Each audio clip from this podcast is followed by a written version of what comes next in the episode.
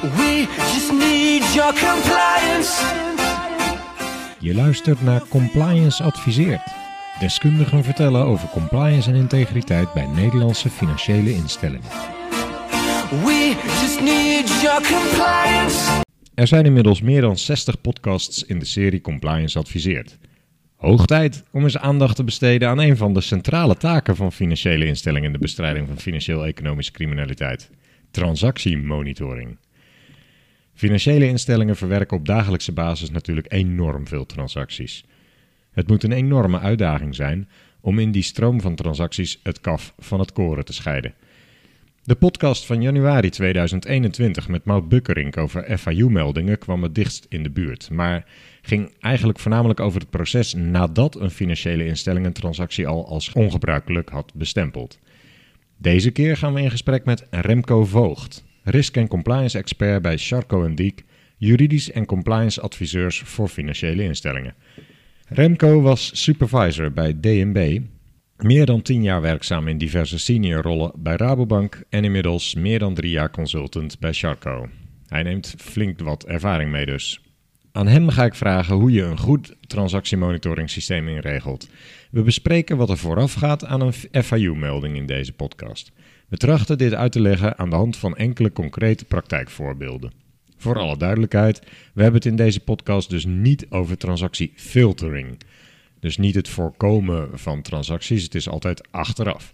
Systemen om sancties na te leven blijven voor nu dus buiten beschouwing. Welkom Remco, dank dat je tijd hebt kunnen maken voor een bijdrage aan deze podcast. Ja, dankjewel uh, voor de uitnodiging. Uh, leuk om hier te zijn. Uiteraard wil de luisteraar graag eerst wat meer over jou weten. Dus laten we beginnen bij uh, wat is precies je rol geweest bij de Nederlandse Bank destijds? Uh, ik ben jurist, heb rechten gedaan in, in Amsterdam. En de toezichtteam destijds, we spreken twintig jaar geleden toen ik bij DNB zat, hadden een jurist in het team voor de grote banken. ik zat op, in het Rabo-team en was verantwoordelijk voor wat juridische zaken die te maken hebben met het lopende toezicht. Verklaringen van geen bezwaar, um, uh, nettingopinies over ISDA's, uh, maar ook... ISDA's, nettingopinies. Ja, ik, ik, toch wel kort even toelichten. Ja, dat gaat over derivatencontracten. En als je wederkerig een derivaatcontract afsluit, dan hoef je elkaar geen geld te geven, even kort door de bocht. Maar dan kun je het netten, dus dan kun je ja, je geld houden en alleen het verschil maar goed, dat moet verrekenen, ja, verrekenen. Maar dan moet juridisch afdwingbaar zijn. Er zijn er opinies over. En die werden beoordeeld door DNB of netting uh, toe, toegepast uh, kon worden. Dus wel een heel ook, specifiek ding. Ook heel technisch juridisch. Heel technisch. Maar ook bij... ik ging dus ook mee op, op onderzoeken, toezichtsonderzoeken. Dus naar, naar de instelling, naar Rabobank. Eh, bepaalde onderdelen bekijken, kijken hoe dingen liepen, dat soort zaken. Dus eh, je, je, was ook, je was ook alleen gericht op Rabobank? Ja, ja sorry, ja. dat had ik even moeten zeggen. Nou, ja, dat, volgens mij zei je het. Maar... Ja, destijds was uh, toezicht uh, ingericht op, op de grootbanken. Dus er waren vijf teams. Je had een IG-team, ABN AMRO-team, ja, Rabobank-team, dat soort zaken. En de wat kleinere banken hadden niet specifiek één team. En ik zat in het, in het Rabo-team. Dus met, een, met een man of zes, acht hielden wij uh, toezicht uh, op, uh, op de hele Rabobank organisatie wereldwijd. En toen je ze goed genoeg kende, dacht je, nou nu wordt het tijd dat ik daar intern maar eens ga orde op zaken stellen. Nou, dat was ja, eigenlijk... Niks ten nadelen van Rabobank overigens. Nee, nee, nee. Eigenlijk wilde ik ze beter leren kennen, want ik, ik had al vrij snel de indruk dat ik hoe meer ik met Rabobank praatte en aanwezig was, hoe, hoe meer ik wist wat ik niet wist. Dus je gaat uh, naar ze kijken, je, je praat met ze, je beoordeelt stukken, maar eigenlijk is het het topje van de ijsberg, had ik hm. voor mezelf het gevoel. Hm. Dus ik wil eigenlijk, uh, wat je wel vaker hoort, wat dichter bij het, uh, bij het vuur zitten, dus waar het echt gebeurt. Ja, ja, ja. Dus toen het overstap naar, naar Rabobank zelf. Um, misschien is het je persoonlijke ervaring, maar misschien is het ook wel breder eh, herkenbaar voor toezichthouders. Is het moeilijk om goed toezicht te houden als je niet echt heel dicht op het vuur zit? Nou, dat, dat denk ik wel. Um, uh, kijk, wij waren, wat ik al zei, met, met acht uh, mensen voor Rabobank wereldwijd. Nou, dat, dat is al niet te doen. Dus je, je verlaat je ook op wat, zeg maar, internal audit van Rabobank aan onderzoeken doet. Uh, je verlaat je op wat compliance aan monitoring. Dus je maakt gebruik van de bestaande eh, zaken die al ingericht zijn bij Rabobank. Ja. Maar ik, ik ben wel iemand die, die dingen zelf wil zien en zelf wil begrijpen. En, zelf, eh, eh, en dat, dat is eh, eh, nu eenmaal niet mogelijk eh, Nee. als toezichthouder. Eh, maar ik wilde dat wel. Eh, anderen zijn wellicht in de toezichtrol heel, eh, heel happy. En, eh, voor het, eh, dus dat kan. En wat leverde de op overstap naar Rabobank je op dan? Nou, Aan inzichten? Of... meteen het, het diepe in. Ik ben dus meteen begonnen bij, bij compliance, wat voor mij nieuw was. Ehm, eh, de bankaire omgeving was voor mij in, in, in, in detail was, was nieuw. Ik bedoel, ik wist vanuit mijn toezichtrol wat Rabobank allemaal deed, welke afdelingen, waar ze zaten, welke producten. Alleen hoe dat precies werkte, wist ik nog niet. Eh, Nee. En eh, destijds was er een, een, een klein team eh, binnen Rabobank International wat de compliance functie voor wereldwijd aan het opzetten was. Dus we hebben het over de, de wholesale kant van, van Rabobank, de zakelijke kant, dus niet de Nederlandse retail kant. En daar zijn we eigenlijk begonnen met een aantal mensen om die hele functie op te zetten en, en in te richten. Ehm, en dat is meteen aan de slag, waar je ziet dat nu hele grote compliance teams vrij eh, gespecialiseerd bezig zijn. Of monitoren, of eh, eh, training en awareness. Of, dus er zijn nu, nu silo's. Was dat in, in mijn tijd, ja, inderdaad 20 jaar geleden, was dat niet zo. Nee, en, maar, maar wat, is, wat zou je zeggen is de kern van wat je toen leerde, omdat je echt ook dichter bij het vuur zat?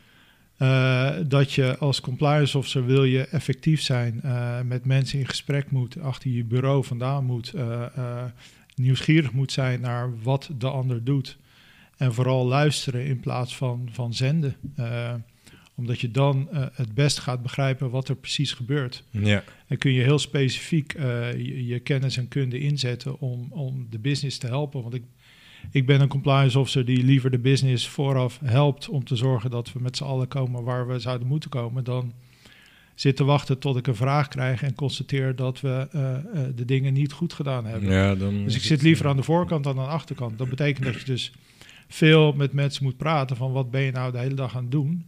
En, en waar zie ik risico's en waar eh, zie ik een toegevoegde waarde voor mijn, mijn kennis en mijn expertise. Dit gebruik je nu ook bij Charco en, Ro- en eh, Dick in, de, in je rol? de- Eigenlijk alleen maar. Ja, Ja. alleen maar. Dus hoe eerder, en dat zie je natuurlijk wel vaker met consultants, dat we, en dat, dat hebben wij ook, dat we vaak eh, wat laat ingeschakeld wordt, worden als het, als het al mis is. En dat is natuurlijk wel lastig, Ja. omdat je als organisatie eh, vaak niet denkt van eh, ik heb even iemand nodig om mee te kijken, om te zorgen dat we nog eh, Nee. op het goede padje blijven. Het lijkt allemaal goed te gaan. Het dus- lijkt allemaal goed te gaan. En op het moment dat DNB een brief stuurt, dan denken we ineens van, oh ja, nu hebben we even iemand nodig. En, en Die moet dan, het even oplossen. Ja, en dan is de, de, de, de schade al, al wat groter dan Ja. wanneer die. Ja, ja. wanneer we. Maar goed, dat is, ja, dat is wat het is. Dat. En Wat voor, voor wat voor klanten werk je voornamelijk? Ik werk nu eh, met name voor eh, betaalinstellingen. ehm, eh, en dat is zo gegroeid bij Sharko Diek. Het is een vrij platte organisatie, Sharko Diek. Eigenlijk heb je de mogelijkheid om de dingen op te pakken die, die je leuk vindt. Ehm, dus ik heb ook voor beleggingsinstellingen wat dingen gedaan. Maar waar ik nu met name mee bezig ben, is WWFT-achtige zaken. Dus het hele WWFT-gebied. Eh, en, en betaalinstellingen. Ehm, dus ik heb, eh, ik heb voor twee betaalinstellingen wat langere trajecten gedaan. Inderdaad, waar, waar men erachter kwam, eh, wellicht dat, we, dat er wat zaken verbeterd moeten worden. Dat we niet helemaal alles goed in control hebben. Ehm, eh, en, en dan worden wij ingehuurd van kijk eens naar de organisatie, kijk eens naar, naar beleid. Kijk eens naar wie nou wat doet. Eh, Ja. en dat zijn de trajecten waar ik me het prettigst bij voel. Dus, dat eh, zijn dan ook de onderwerpen waar je je op richt, op dat beleid en hoe de organisatie elkaar ja, zit. en, En, en, maar ook eh, komt dan bijvoorbeeld transactiemonitoring om de hoek. Maar Sira ook. Dus eigenlijk het hele, hele scala pakken we op. Wat voor klant, eh, hoe kijk je naar klanten, ja. governance, wie doet wat binnen een, een instelling en hoe kun je het handigst inrichten. Wij gaan ons richten op eh, transactiemonitoring. Welke ervaring heb je daarop mee?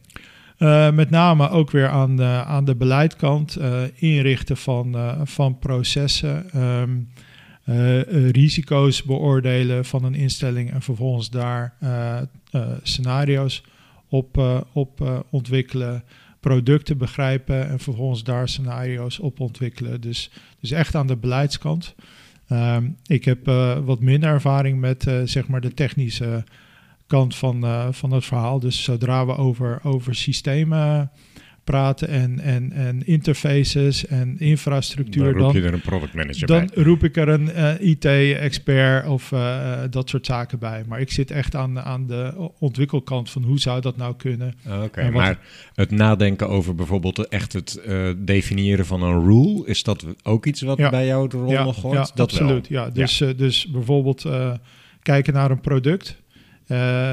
Sira-achtige workshops van hoe, eh, eh, waar kan het misgaan met dit product? En, en wat hebben we dan nodig? Waar moeten we naar kijken? Welke data hebben we nodig? Waar halen we die vandaan? En dat soort zaken. En dan met mensen gaan praten van eh, hoe kunnen we dit nou zorgen dat de data erin gaat, de, eh, dat die goed is. Ja. Dat we vervolgens naar de juiste dingen kijken en dat de output ook goed, goed is. Juist. Dus zeker, ja. ja. Wat is nou volgens jou het belangrijkste doel? Misschien vraag ik naar de bekende weg hoor, maar wat is het belangrijkste doel van transactiemonitoring door financiële instellingen? Los even van voldoen aan wetgeving. Wat is nou het belangrijkste doel wat je ermee wil bereiken met transactiemonitoring en niet het filtering? Nee, nee en daar eh, nog even een, een opmerking eh, op. Filtering wordt inderdaad vaak eh, met sanctiewetgeving in, in, aan sanctiewetgeving gerelateerd. Strikt formeel gezien heb je natuurlijk ook nog een aantal transacties binnen een, zeker een grote organisatie, waar je pre-transaction monitoring kan doen. Dus bijvoorbeeld als je een transactie in elkaar zet voor een klant, een structured finance transactie, dan heb je een soort transactiemonitoring aan de voorkant, waarbij je alles goed in kaart brengt, goed documenteert. Mhm. En in die zin ervoor zorgt dat de transactie goed is en dat er geen risico's. eh. Dus je hebt ook aan de voorkant nog een, een soort van een transactiemonitoring eh, trajectje voor dat soort transacties. Ik kom zelf ook uit de betaalwereld. Ik kan me niet herinneren dat daar ooit structured... eh, Nee. wa- aan wat voor type transactie moet ik dan dan heb, je het, eh, dan heb je het, en dat is eh, denk ik misschien meteen een, een tweede opmerking die ik even eh, eh, maak, is dat je dat we eh, het nu waarschijnlijk hebben over grote organisaties met veel producten, veel transacties. Er zijn natuurlijk genoeg financiële instellingen die niet heel veel transacties verwerken. Nou, ik denk eh, dat het goed is om te kijken wan, dat we even steeds benoemen voor grote eh, Ja. instellingen is wat ik nu zeg het meest van belang. Ja. En ja, als we dat proberen zo tijdens klopt. deze podcast Ja. helpt te Ja, luisteren. ja, ik denk Ja. dat het gros van waar we het over hebben zal gelden voor inderdaad eh, grotere, grotere instellingen partijen, met ja. meerdere producten en, en veel volume. Mhm. Ehm, sorry, ik ben je Maar dat stru- je zei... Ja, sorry. Ja.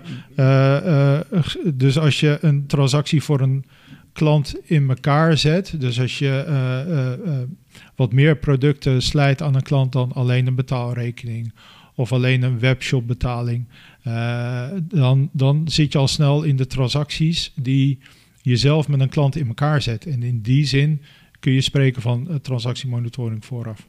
Ik, ik kan me nog niet precies voorstellen in welke situatie dat eh, gebeurt. Dat zal bij banken waarschijnlijk Ja, vaker banken. gebeuren. Ja, dat maar dat, dan gaat het om een eh, internationale eh, bedrijf die, iets, die een overname aan het doen is of zo. En dan moet je allerlei dingen al voorbereiden voordat je werkelijk dat een transactie uitvoert. Precies. Is dat en wat je bedoelt? Ja, en dan kun je dus voorbereiden met welke partijen doe ik zaken. Via welke partijen laat ik geldstromen lopen.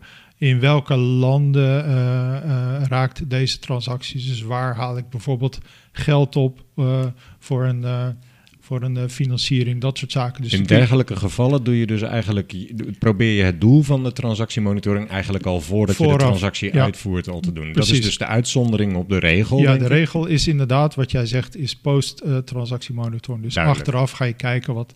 En dat is, is voor eh eh 99% van de transacties is dat natuurlijk het geval. Want ze gaan door eh, je systemen heen. En dan ga je kijken wat er, wat er doorheen loopt. Nou, Dus, dat is recht gezet. Er is een Ja. uitzondering op. Ja. Maar wat is nou precies het doel daarvan? Het doel daarvan is om eh, in beeld te krijgen dat de klant doet wat jij denkt dat de klant zou moeten doen, gerelateerd aan het onboardingproces, dus aan het klantacceptatieproces. Aha.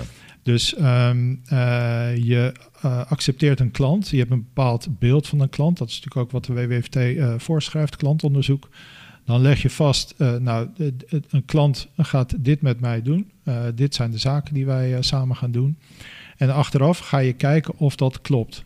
Als je dat zo zegt, mag ik dan al direct de conclusie trekken dat transactiemonitoring eigenlijk zinloos is als je niet goed aan de voorkant in kaart hebt gebracht wat van die klant verwacht mag gaan worden. En Eh, dat dat oké is. Ja, over het algemeen eh, wel. Wat je natuurlijk wel ziet, je hebt een aantal, eh, we gaan al meteen even de diepte in, maar geef je hebt een aantal rules die bijvoorbeeld transacties naar boven brengen naar bepaalde landen. Bepaalde landen met een hoog witwasrisico. Ja. Dat is ook transactiemonitoring strikt formeel. Eh, hoef je dan niet heel goed te weten wat je klant doet. Dat, dat zijn eigenlijk altijd transacties die je wellicht zou Sowieso willen, wilt bekijken. het zou willen bekijken. Ja. Ik kan me wel voorstellen dat je bij het boorden al kijkt, wil je met dat soort landen transacties gaan uitvoeren? Zeker, Ja, zeker, ja, zeker. Eh, maar over het algemeen is, is inderdaad transactiemonitoring eh, vrij zinloos als je niet weet wat jouw klant voor normale business doet. Oké, duidelijk. En, maar oké, dat, dat is eigenlijk, mm, laat ik zeggen, de manier waarop je het gaat doen. Is dat werkelijk het doel? Want eh, eh, ik zou me kunnen voorstellen, ik had eigenlijk een antwoord verwacht in de zin van, ja, je probeert te voorkomen dat een klant wit kan wassen via jouw systeem. Eh, ja, dat, dat klopt. Het is eigenlijk eh, breder en eh, we focussen nu inderdaad heel erg op, op het WWFT-traject. Ja. Je hebt daarnaast natuurlijk ook andere vormen van criminaliteit. Je Ja. hebt ook bijvoorbeeld in financiële markten wordt aan trade surveillance gedaan. Dat is ook een soort transactiemonitoring. Mhm. Dus we hebben het over witwas. eh maar daarnaast, en, en dat zie ik in de praktijk niet, maar het zou- zijn wel zaken die uit een transactiemonitoring kunnen, kunnen komen. ehm, dat je het ook voor hele andere eh, eh, ehm, eh, redenen kunt, kunt inzetten. Er kan informatie uit voortkomen die voor de commerciële kant ook heel interessant zou Ja. kunnen zijn. Kennelijk is deze klant geïnteresseerd in nog een ander product van ons. Wat, Ja, of, of bijvoorbeeld wat ik meegemaakt heb, is dat je een bank met een studentenrekeningpropositie en een zakelijke rekeningpropositie.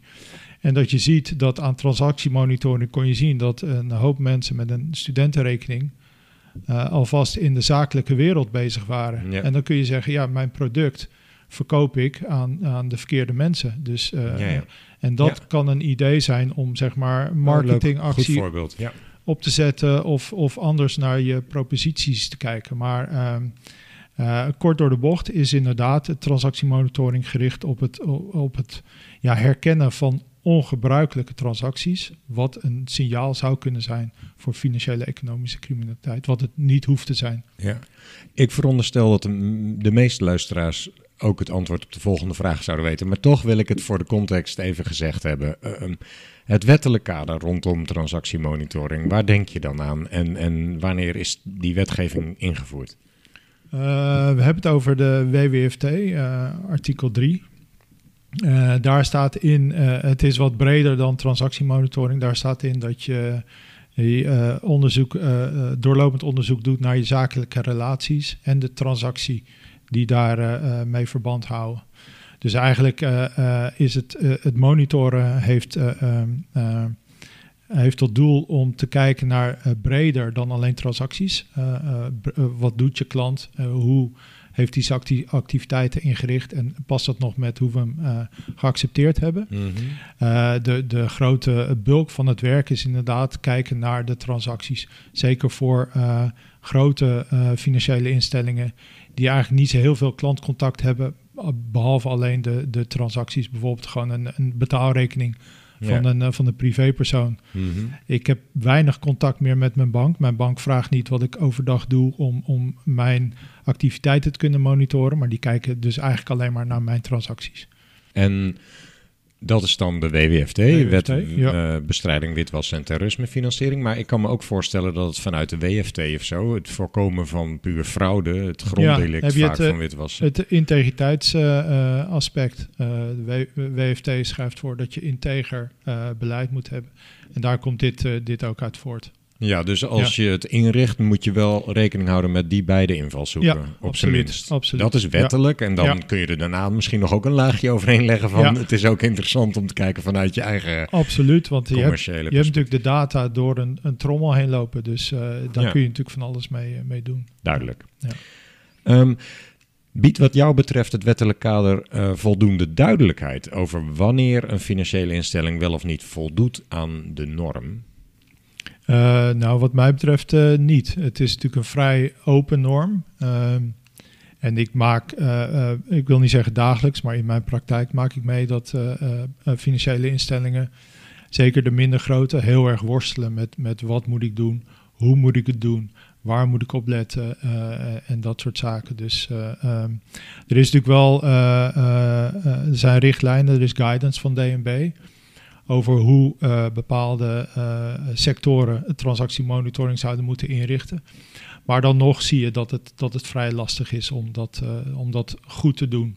En zie je dan in de praktijk dat als een instelling denkt, nu ben ik goed bezig, toch door DNB teruggefloten wordt, bijvoorbeeld? Nou ja, dat, dat, zie, je, dat zie je zeker. Ehm, eh, eh, het proces inrichten is, is soms waar het, waar het misgaat. Eh, ehm, dan zijn er eh, niet genoeg vier ogen principes worden toegepast. Wanneer is iets nou eh, eh, geen echt FIU-waardig, eh, meldenswaardige eh, transactie en wanneer Mhm. wel. Mhm. Dus dat proces, daar gaat het soms mis. Maar ook eh, de, de techniek, eh, de vraag van DNB, hoe weet je nou dat je alle transacties in beeld hebt, is soms ook een hele lastige eh, om, om te beantwoorden. Ja, want dat is een goede. Laten we daar eens over hebben. Gaat het puur alleen over transacties die een klant eh, uitvoert via een bankrekening of zo? Of hebben we het ook over de transacties die bijvoorbeeld de bank zelf uitvoert? Uitbetalingen aan personeel of eh, salarisbetaling of eh, allerlei. Welke type transacties die een bank uitvoert, vallen eigenlijk onder deze eh, regel, eh, regeling, onder, onder monitoring? Ja, ehm, eh, dat is een goede. In principe, om weer terug te gaan, waarom doen we dit? Is om ongebruikelijk gedrag van een klant te, te onderzoeken. Oké. Dus dat betekent dat eh, eh, banken uit, salarisuitbetalingen aan, een, aan personeel. Dat is geen gedrag van een klant. Nee, zou, zou, ik, zou ik er niet eh, eh, in willen. Maar het, het, het kunnen natuurlijk ook eh, eh, eh, transacties van een bank zelf zijn, eh, die op de een of andere manier weer ergens terechtkomen. Dus Nou, ik kan me vanuit de WFT voorstellen, Ja. bestrijding van interne fraude Ja. bijvoorbeeld. ja, ja. Nou ja, en, en dat zie je dat je. ehm, eh, en dan, dan ga je ook eh, zeg maar de operational risk hoek in, dat het best interessant kan zijn eh, als interne controlemaatregel om transacties te monitoren, om, om bijvoorbeeld operations afdelingen die betalingen verrichten, om die te kunnen monitoren, om syste- systemen te kunnen monitoren, doen ze wat ze, wat ze zouden moeten doen. Maar het gros van de transactiemonitoring is inderdaad zijn, zijn klant, klantbetalingen, Laten we klanttransacties. in deze podcast het daar dan voornamelijk over hebben. Ja. Hoe ziet dan in grote lijnen het transactiemonitoringproces eruit? Kun je daar even op hoofdlijnen? Ja, ehm, eh, wat er gebeurt is eh, dat je op zoek moet gaan binnen een instelling naar eh, de data die je nodig hebt. Ehm, en om goed transacties te kunnen monitoren, moet je eigenlijk de, de link met je Sira leggen.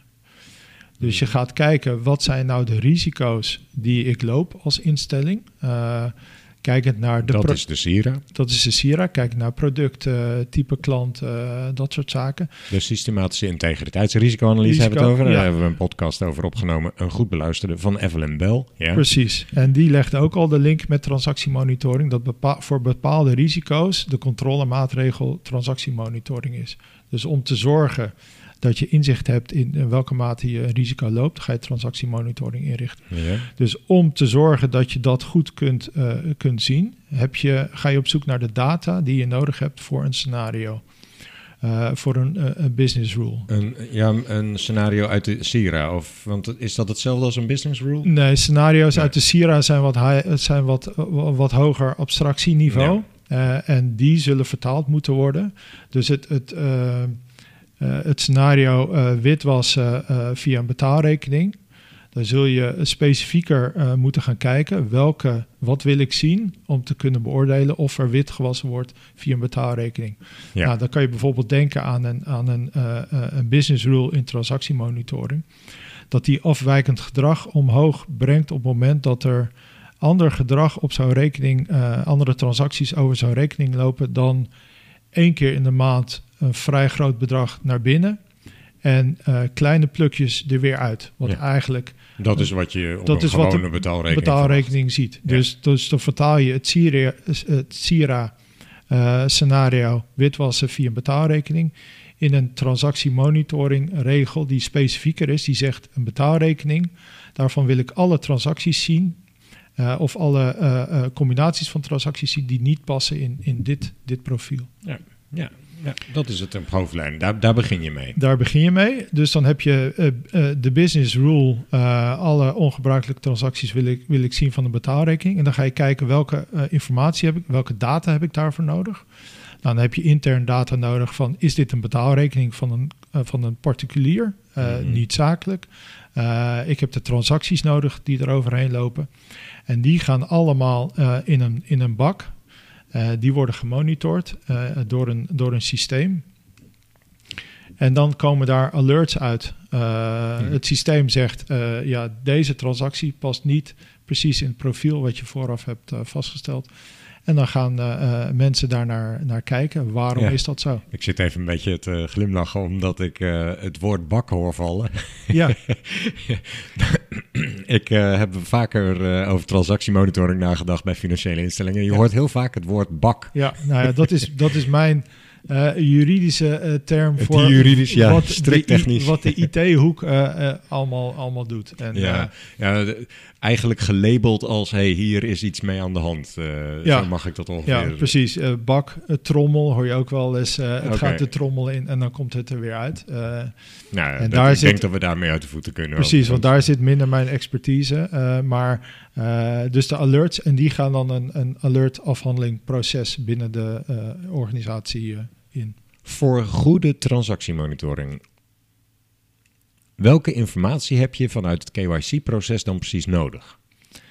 Eh, eigenlijk eh, eh, afhankelijk van welk scenario en waar je naar, naar kijkt. Nou, laten we het. We hebben het tot nu toe Over- voornamelijk over de particuliere rekeninggebruiker ja. gehad. Laten we daarmee beginnen. Nou, dan heb je om een. heb je, je moet transacties kunnen linken aan die betaalrekening. Dus je hebt eh, eh, bepaalde datavelden nodig en om te kunnen de transactie aan die betaalrekening te kunnen linken. Dus dat kan een, een naam zijn, maar dat kan ook de, de IBAN zijn. Eh, soms heb je intern heb je een bepaald administratienummer die aan een, aan een klant wordt Mhm. gelinkt om ook een link te kunnen maken met misschien andere producten die die klant. eh, Ja, ik denk dat je, dat je mijn vraag eh, vooral technisch nu interpreteert. Maar ik bedoelde meer in de zin van hoe kun je het risico dan het snelst herkennen? Wa- wa- Wat, waar moet een KYC-analyst specifiek aandacht aan besteden om een transactiemonitoring-analyst goed te ondersteunen in zijn werk? Eh, die moet goed en duidelijk vastleggen wat voor eh, eh, consument je, je binnenhaalt. Dus wat voor klant. Dus dat betekent dat je zo, zo goed mogelijk moet kunnen beoordelen hoeveel geld komt er binnen, is verwacht, en, en, en wat gaat eruit. En we hebben het nu over een betaalrekening, dus dat zal niet heel specifiek zijn, omdat het een, een klantsegment is waar vrij grof op, eh, op gemonitord wordt. Mhm. Maar als je bijvoorbeeld naar de zakelijke eh, rekening gaat, Ja. dan eh, maakt het heel veel uit voor, je, voor je rules, voor je alerts. Of je te maken hebt met een, met een kleine pizza verkoper of, of Ahold. Ja. Dus ehm, Die ook wel eens een pizza verkoopt. Ja. die ook wel eens eens een pizza verkoopt. Maar bijvoorbeeld veel relevanter is welke valuta, welke landen, Ja. eh, welke locaties, eh, eh, bedragen. Dus als je bijvoorbeeld een grensbedrag in een scenario aanbrengt, zal het grensbedrag voor die pizzaverkoper wat lager liggen dan voor Ahold. Juist, ja. Dus hoe meer eh, van dat soort gegevens, dus eh, wat is mijn eh, maandelijkse volume die over de, over de rekening loopt, welke bedragen kan ik verwachten in een bepaalde eh, eh, marge, Eh, Hoe vaak wordt er een transactie gedaan? Uh, dat zijn allemaal dingen die uh, een rol kunnen spelen bij de beoordeling van Duidelijk. een alert. Voor een zakelijke klant uh, kan, kan, een zakelijke klant kan dus behoorlijk wat vragen verwachten van die KYC-analyst om dat profiel helder te voor ogen te krijgen. Ja, als het, als het goed is wel. soms heb je natuurlijk een, al een, een bestaand profiel van bestaande pizza verkopers die je al in de boeken hebt. Dus dan plak je het profiel op deze pizzaverkoper. En dan kun je achteraf kun je kijken, past deze specifieke pizzaverkoper in het profiel wat ik al had. Dus je kunt je klanten in, in segmenten uh, opdelen. Okay. En dat vanwege uh, pragmatische redenen gebeurt dat natuurlijk ook. Uh, nou, wat we al zeiden, de retail betaalrekening is een hele grote. Maar je kunt ook je zakelijke portefeuille natuurlijk in bepaalde buckets zetten, bepaalde segmenten. Om te zorgen dat je niet voor ieder specifieke klant uh, weer een apart profiel en aparte regels, aparte grensbedragen hoeft, uh, hoeft aan, te, ja. aan te geven. Ja, dus, dus het, uh, de, het KYC-proces is vooral ingericht op in welke bucket, Eigenlijk, ja, bakje, ja, precies. profiel ja, kan ik die kan ik die, krijgen. ja, ja. ja. Um, als ik nou kijk naar de verschillende functionarissen die betrokken zijn bij transactiemonitoring, uh, aan welke type functionarissen, uh, welke, als, als je het zelf mag gaan inrichten voor een redelijk grote, middelgrote instelling, welke functionarissen moeten er dan een rol spelen in het transactiemonitoringproces volgens jou? En kun je die ook even toelichten wat ze dan doen ongeveer? Ja, um, in het lopende proces of wanneer we iets mm, gaan bouwen? Ja, laten we maar even vanuit gaan dat het een redelijk nieuw proces is nog. Ja, nou wat je inderdaad nodig hebt is een, een, een data-analyst. Uh, dus iemand die uh, uh, goed weet hoe je met data om moet gaan. Je hebt mensen nodig die kennis hebben van de interne systemen van een bank. Dus waar haal ik welke uh, uh, gegevens vandaan? Uh, je hebt iemand nodig die in, aan de operations kant zit. Dus die de, de transactieflow binnen een bank kent. En dat, zal vaak ook, dat zijn vaak ook de mensen die een beter idee hebben van wat is ongebruikelijk voor een bepaald type klant, bepaald type product. Dan heb je de, de, natuurlijk de compliance officer nodig om input te geven in wat, uh, wat wel en wat niet. Mhm. Um, dus dat zijn, uh, dat zijn een beetje de mensen die betrokken zouden moeten zijn bij, bij het, opzet, inrichten, bij het ja. inrichten. En nu noemde je trouwens ook wel een interessante. Tot nu toe hebben we het steeds gehad over wat verwacht je van de klant. Maar je zei, je hebt ook die uh, functionarissen die juist weten wat bij een product hoort. Ja. Uh, gaan die twee invalshoeken voor transactiemonitoring samen? Of nou, hoe, ja, hoe werkt dat? Ik denk als je het, als je het goed wil doen, dan zul je uh, die samen moeten laten vallen. Uh, kijk, als je een zakelijke klant hebt met een zakelijke rekening, dan pas je daar andere uh, scenario's op toe dan wanneer je een, een, klant, een zakelijke klant hebt die een, een lening van je afneemt. Uh, omdat bij een, een, uh, het product een lening zijn andere zaken ongebruikelijk dan bij een, een betaalrekening van een zakelijke klant. Ja, dus, ja. dus de productinvalshoek is wel degelijk belangrijk. En zeker als je zaken gaat, gaat combineren, dan dan moet je echt wel mensen hebben die goed weten hoe, hoe een product in elkaar zit. Om, Mhm. om een goede uh, scenario, goede regels uh, te kunnen uh, schrijven. En, en weten waar de data vandaan komt. Kan ik me voorstellen, maar betekent dat tenslotte dat die klant dan alsnog in een categoriebakje valt, maar in dat categoriebakje wordt dan weer onderscheid gemaakt naar type product wat afgenomen wordt? Of Uh, ja, soms wel. Uh, dat hangt er een beetje vanaf hoe je, hoe je het wil bekijken en wel, welke producten. Maar uh, zeker um, kan het, heb je bepaalde scenario's en dus zal de klant in een bakje moeten komen die bijvoorbeeld voor de lening. Daar kun je specifieke scenario's. Dus dan moet je zorgen dat je zakelijke klant ook in dat bakje ja, ja. terecht, terecht komt. Ja, en als die klanten dan aan het boarding, na het boardingproces goed dat, ik neem aan dat je op het moment dat je hoog risico uh, vermoedt, dat je dan nog wat extra verificatieslagen doet. En je mag er dus als transactiemonitoring-analyst van uitgaan dat ze, die klanten die, uh, waarvan je transacties voorbij ziet komen, dat die in principe al door een wasstraat gegaan zijn. Dus je, je mag veronderstellen dat er niet heel veel mis mee mag zijn. Nee, klopt. um, ja, dus dan ga je aan de slag en dan zie je toch transacties die niet helemaal passend zijn. Heb je dan als transactiemonitoring-analyst nog verder houvast uh, aan andere bronnen van informatie? Of ga je terug naar de KYC-analyst van hoe kan dit? Of hoe werkt dat? Ja, uh, in principe ga je terug naar de KYC-analyst. Uh, je kunt ook teruggaan naar de relatiemanager. Je gaat inderdaad op zoek intern naar bronnen die dat, dat gedrag of die transacties zouden kunnen verklaren. Um, Soms, soms weet je het al. Um, uh, uh, dan heb je het al een keer eerder langs zien komen. Dan weet je uh, dat er bepaalde zaken net even anders zijn. Maar het kan ook goed zijn dat bij onboarding die klant dus in het verkeerde bakje terecht is gekomen. Dat zou ook kunnen. Dus um, je hoeft niet de, de, de onboarding proces, daar ga je natuurlijk wel vanuit dat het goed is, maar dat hoeft natuurlijk niet altijd zo, zo te zijn. Nee. Um, en, en wat je natuurlijk ook ziet, is, en dat haal je er vrij snel uit, is dat een klant met een bepaalde uh, uh, motivatie binnen is gekomen, met een bepaald beeld van wat, wat ze doen. En vervolgens doen ze wat anders. En dat is natuurlijk precies eigenlijk wat je, wat je wil, wil detecteren. Wil detecteren, ja. Heeft een bank nou op het moment dat hij begint aan zijn transactiemonitoring uh, voldoende informatie? Of is er informatie die jij in de praktijk vaak ziet dat die ontbreekt? om goed te kunnen monitoren?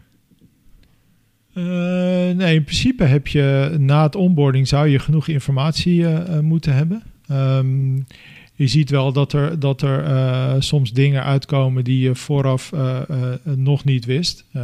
dat, dat zit dan in, in de alerts in de transactiemonitoring. dat hoeft niet altijd, dat hoeft niet altijd criminele activiteiten te zijn.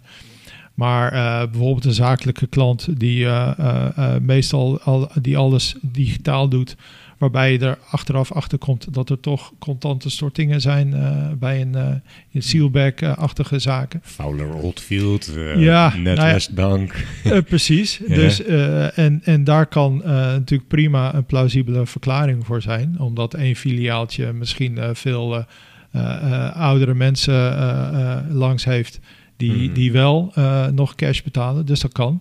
Ja. Maar dan ga je dus op zoek. Vooraf heb je een grote supermarktketen die bijna alles via de PIN doet. Dus uh, contante stortingen die, die komen nauwelijks voor. maar dan zie je achteraf dat een bepaald filiaal dat, dat wel heeft. Dus dan is het een, een aanvulling op je onboardingproces. Mm. die, die je later nog kan, kan dat maken. kan dan een acceptabele uh, verklaring achteraf zijn. Zeker. En dan pas je zeker. het klantbeeld en dan aan. pas je het klantbeeld aan ja. en dan zorg je dat je ook dat uh, mee, gaat, uh, mee gaat nemen in het reviewproces weer.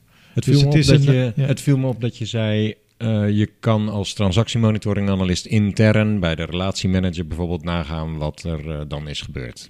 Ik uh, heb het feitenrelaas van NetWestbank doorgeakkerd, iets van 111 pagina's. Dat, ja. dat, daar gebeurde dat ook. NetWestbank liet transactiemonitoring-analysten die ook vonden, hey, op, opmerkelijk gedrag, gingen bij de relatiemanager aan de, aan de bel trekken. Maar ze hebben volgens mij, voor zover ik in het feitenrelaas lees, nooit de klant zelf benaderd. Wat, wat als jij nou zo, zoiets inricht, wie zou er dan, wanneer moet er dan echt naar de klant gegaan worden? En wie zou dat in jouw ogen moeten doen?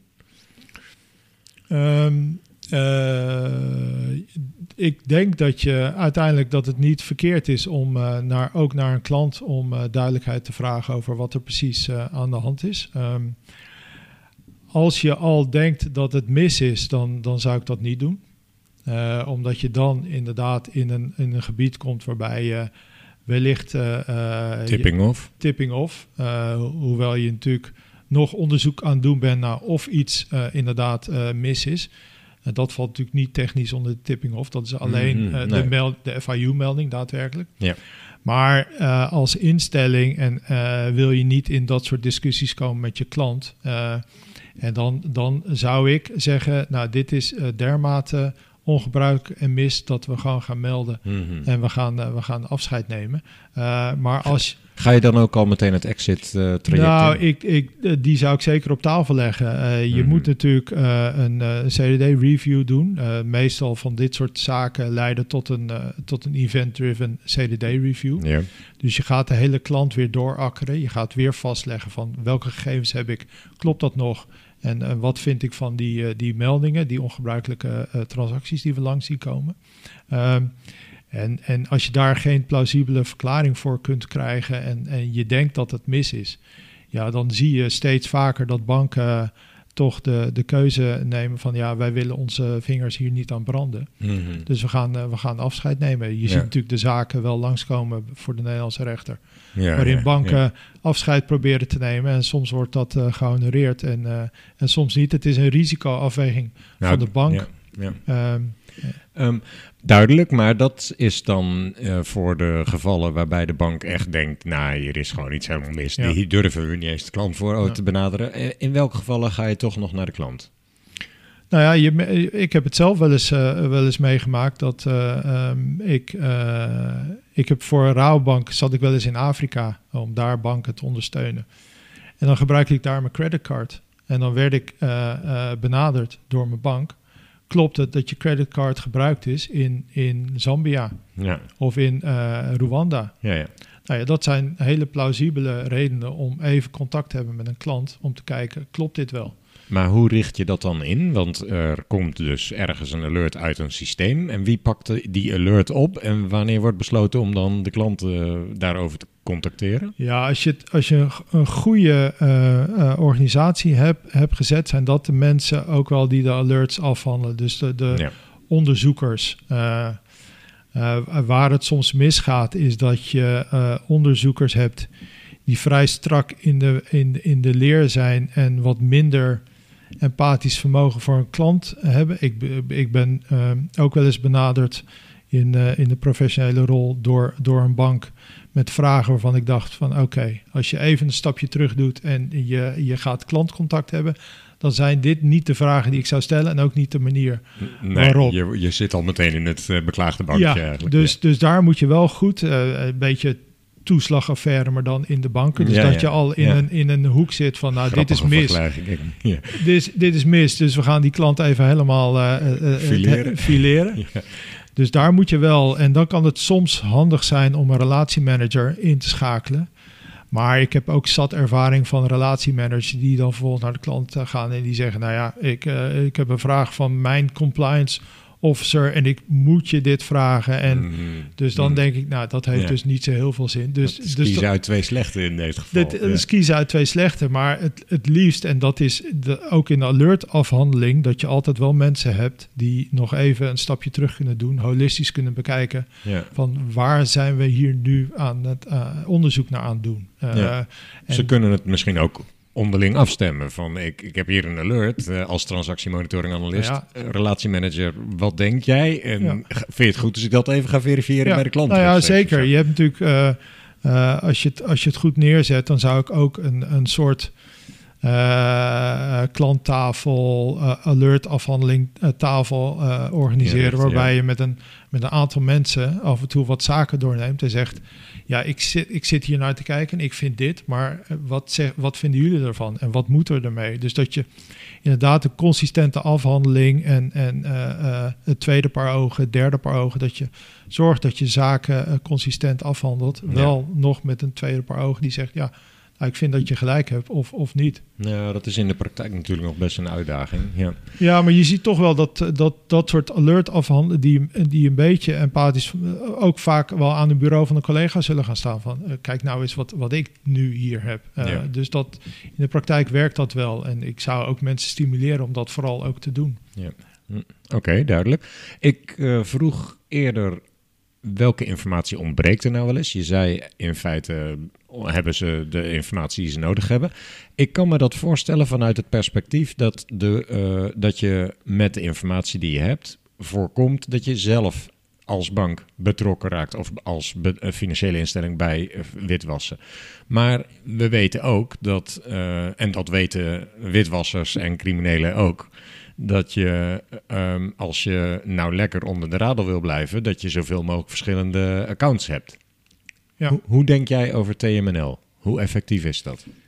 Eh, Transactiemonitoring Nederland, die bekijken het over verschillende banken heen. Ja, die eh, nu nog eh, de zakelijke rekeningen van, van de, de, een aantal grootbanken. Ik denk dat dat ehm, eh, iets toevoegt.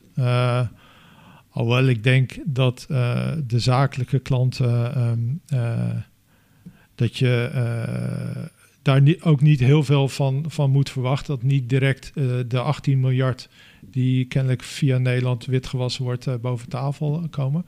Maar het is wel een, stap, een goede stap in de richting, omdat je namelijk dingen gaat, gaat combineren. En, en juist het feit dat een, een klant bij drie banken een rekening heeft en daar heen en weer aan het choelen is, ehm, eh, kan een indicatie zijn van hier is wat aan de hand. Eh, kijk, banken weten dat al, hè? want je ziet namelijk van jouw klant met een rekening zaken bij jou, zie je al dat er geld gaat naar een andere Nederlandse bankrekening.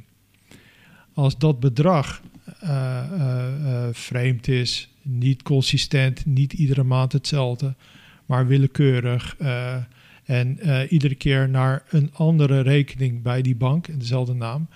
Dus dat, dat gedrag is al ongebruikelijk. Dus ehm, zeg maar eh, eh, criminelen die met verschillende BV'tjes geld heen en weer aan het sluizen zijn, dat, daar zou je als bank al Daar heb indicatoren. je TMNL niet per se voor nodig, zeg. Nee, maar wil je nu echt doorgronden wat er aan de hand is, dan, is, Dan wel. Dan, dan wel. Omdat je dan informatie kunt, kunt gaan bundelen en, Mhm. en patronen. En zeker als je wat s- gesofisticeerder gaat monitoren met ehm, data-analyses, eh, algoritmes, dan kun je natuurlijk over die bak informatie kun je veel meer uithalen dan, dan, dan wat instellingen zelf kunnen doen, omdat je meer informatie hebt. Kijk, een, een bank ING kan zeggen, ja, ik vind dit een vreemde betaling die naar ABN AMRO gaat. Maar dan houdt het een beetje op, want ze kunnen er verder niks mee, Nee. behalve ABN AMRO bellen. Uh, wat natuurlijk in het Mhm. verleden had je die gesprekken wel met uh, Kug één keer voor ja en Kug uh, twee keer voor nee. en omdat je nou eenmaal geen Ja. data mocht, uh, die gesprekken, zeker aan de, de, de, de security kant, die vonden natuurlijk wel plaats in de praktijk. Mhm, mhm. Dat, dat is nu niet meer nodig, omdat je nou eenmaal gewoon die data in één bak hebt. Ja, ja. ja. Dus het voegt wel, wel degelijk wat toe. Maar ja, weet je, uh, criminelen die, die op dit moment nog dat soort eh, structuren gebruiken om, om wit te wassen, we zijn natuurlijk al veel, veel verder. Dus het is een stap in Ja. de goede richting. Maar Ja. Heel even een zijspoortje dan. Waar, waar zijn ze volgens jou voornamelijk eh, naartoe gevlucht dan, om eh, buiten het beeld te blijven? Nou ja, ik denk dat ze inmiddels uh, met hele andere, met niet transparante eh, virtual assets bezig zijn. En, en dat je andere landen. dus Ja. dus ik, ik, ik verwacht dat, dat eh, er niet heel veel nieuwe dingen uit, uit dit monitoring. Nee, er kunnen heel interessante dingen uitkomen. Dat Mhm. je namelijk inderdaad een bak met informatie hebt. Maar ik geloof niet dat we de grote criminelen hiermee gaan. Hm, lastig gaan vallen. Nou, ja. ja, in zekere zin natuurlijk wel. Want als het er niet was, dan konden die criminelen gewoon lekker het op de makkelijkste manier doen. Namelijk via bankrekeningen. Ja, nee, eens, dat is ook zeker zo. Maar dat, Ja. dat station zijn we denk ik inmiddels al. dat, uh, dat is al niet meer ik gaande. denk dat je de onhandige, uh, evidente zaken gaat pakken. Die, uh, ja. En, en um, nou ja, je had uh, de Sira genoemd en uh, je had gezegd uh, scenario's en daar maak je dan weer business rules op. Kun je een paar business rules noemen, misschien de meest voorkomende en misschien ook wel degene die het meest over het hoofd worden gezien? Kun je Ja. er twee of drie per categorie noemen? ja, het eerste is, uh, is, is makkelijker. Het tweede vind ik lastiger, omdat het natuurlijk per product, per type klant, uh, bla bla. Mm -hmm. um, uh, de gebruikelijke uh, zijn uh, afwijkingen van maandelijks volume over een rekening, afwijking van bepaalde bedragen, um, vaak kleine bedragen over een rekening. Kleine bedragen rekening in en dan één bedrag er weer uit. Nou, vaak kleinere bedragen over rekening. Zou ik me kunnen voorstellen dat die rule vaker over het hoofd gezien wordt? Of, of wordt die toch nou, heel veel ja, gebruikt? Uh, je ziet, uh, kijk, kleinere bedragen, en dan ga je natuurlijk een beetje richting de terrorismefinanciering. Is dat je uh, ja, ja. een van de standaard scenario's is natuurlijk dat er, uh, um, even los van in het CDD-proces, dat je een, een stichting onboord, dat je daarop Mhm. op moet letten. Mm -hmm. Maar is een rekening waar kleine bedragen van willekeurige andere rekeningen binnenkomen, dan gaat er één grote bulkbetaling er weer uit.